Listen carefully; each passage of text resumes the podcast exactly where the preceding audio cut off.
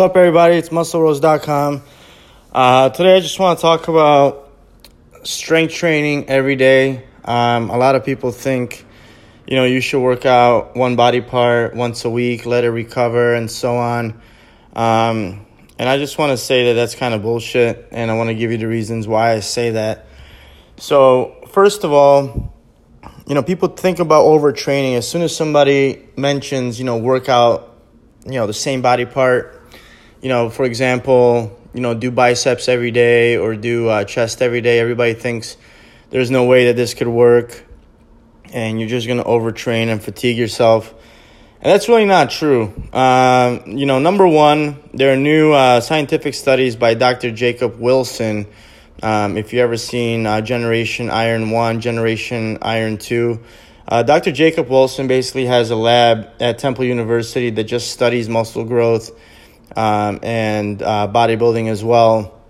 And one of the most recent studies is that uh, frequency, increasing frequency of working out a single body part um, has over 30%, working a single body part every day has over 30% uh, better results than working out one body part, you know, once a week as an example. Um, and there is there's a key piece of information there that you need to know. You can't destroy your biceps every single day. That's the key differentiator of these theories that people think, you know, I'm going to go to the gym, I'm going to do chest, I'm going to do 20 sets, and I should do that every day. Uh, that is not true. You need to tear the muscle and not typic- uh, not completely destroy your muscle. That's the number one factor. So doing maybe five, six, seven sets a day where you just fatigue the muscle every single day, or let's say even four or five times a week, to where you're not sore the following day. You just work the muscle every day has far better results. Um, you know, if you look at any fitness or bodybuilding video, uh, you know, they talk about, hey, if you're lagging calves, then, you know, what I did to get my calves up or my biceps up, so I, you know, I started doing them you know, twice a week or three times a week, or I started every workout with bicep curls. Um, and that's how I brought up my arms. So, how does that make sense then? How does that make sense that if you want to bring up a body part, you're working it out more frequently, but you should only work out every other muscle uh, or body part once a week? It doesn't make sense, right? Why don't you do that for every body part? Do a full body workout every single day.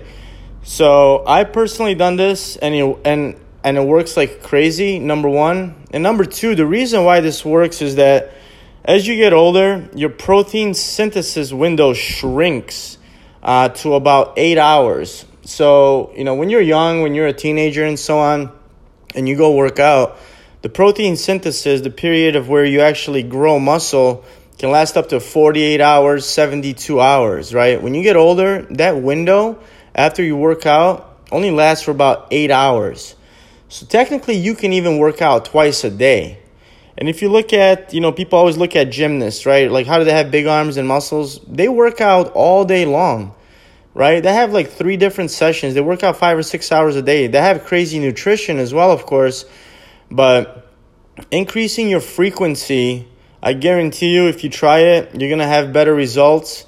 Uh, you know, if you want to, you know, do a push movement for, uh, you know, push movements one day for shoulders, chest, chest, and triceps, then finish it off with um, a little bit of legs, some leg extensions, and the following day you do pull movements for back and biceps, um, and then finish it off with legs or something like that.